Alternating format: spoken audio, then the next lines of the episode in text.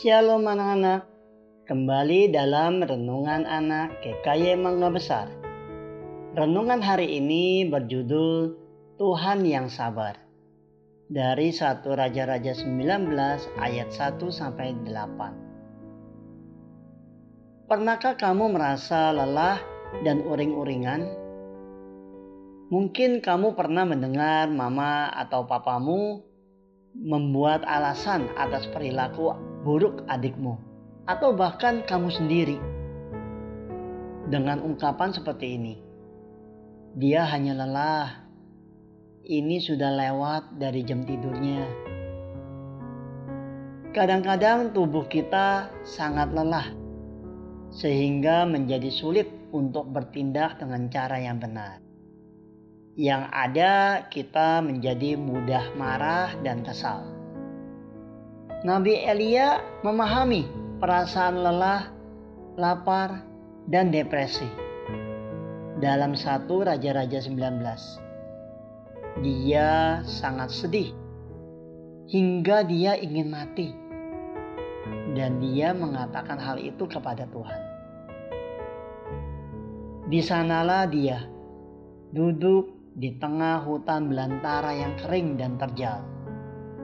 Satu-satunya tempat berlindungnya adalah sebuah pohon arar.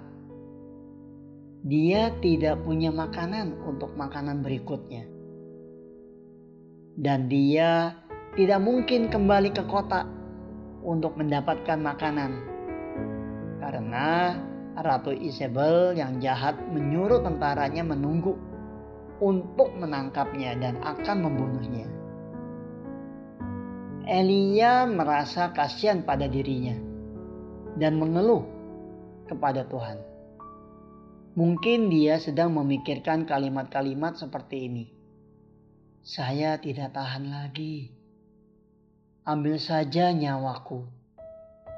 Saya tidak punya apa-apa untuk dinanti-nantikan. Jadi sebaiknya saya berbaring di kuburan di sebelah leluhur saya.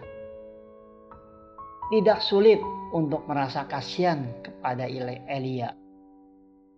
Dia tidak hanya lelah dan lapar. Seseorang bahkan mencoba membunuhnya. Tapi ini adalah Nabi Elia yang sama yang dalam pasal sebelumnya dengan berani meminta Tuhan di depan ribuan orang untuk menurunkan api dari sorga. Dan telah melihat Tuhan menjawab permintaannya. Ini adalah Elia yang sama yang telah memohon kepada Tuhan untuk mengirimkan hujan ke tanah yang dilanda kelaparan. Dan Tuhan telah menjawab. Dan sekarang apa yang Elia lakukan? Apakah dia dengan percaya diri meminta Tuhan untuk melindunginya dari Ratu Isabel? Apakah dia dengan berani meminta Tuhan untuk memberinya sedikit makanan? Tidak. Elia melupakan semua tentang pembebasan Tuhan di masa lalu dan sebaliknya mengeluh. Karena Tuhan itu kudus, Dia tidak pernah memaafkan perilaku berdosa.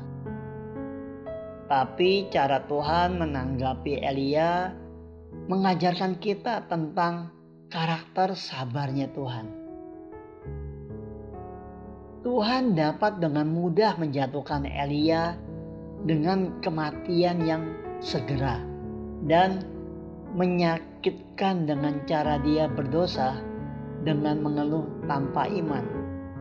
Tetapi sebaliknya, ayat 5 memberitahu kita bahwa Tuhan memperlakukan Elia dengan lembut. Menunggu, membiarkan Elia tidur.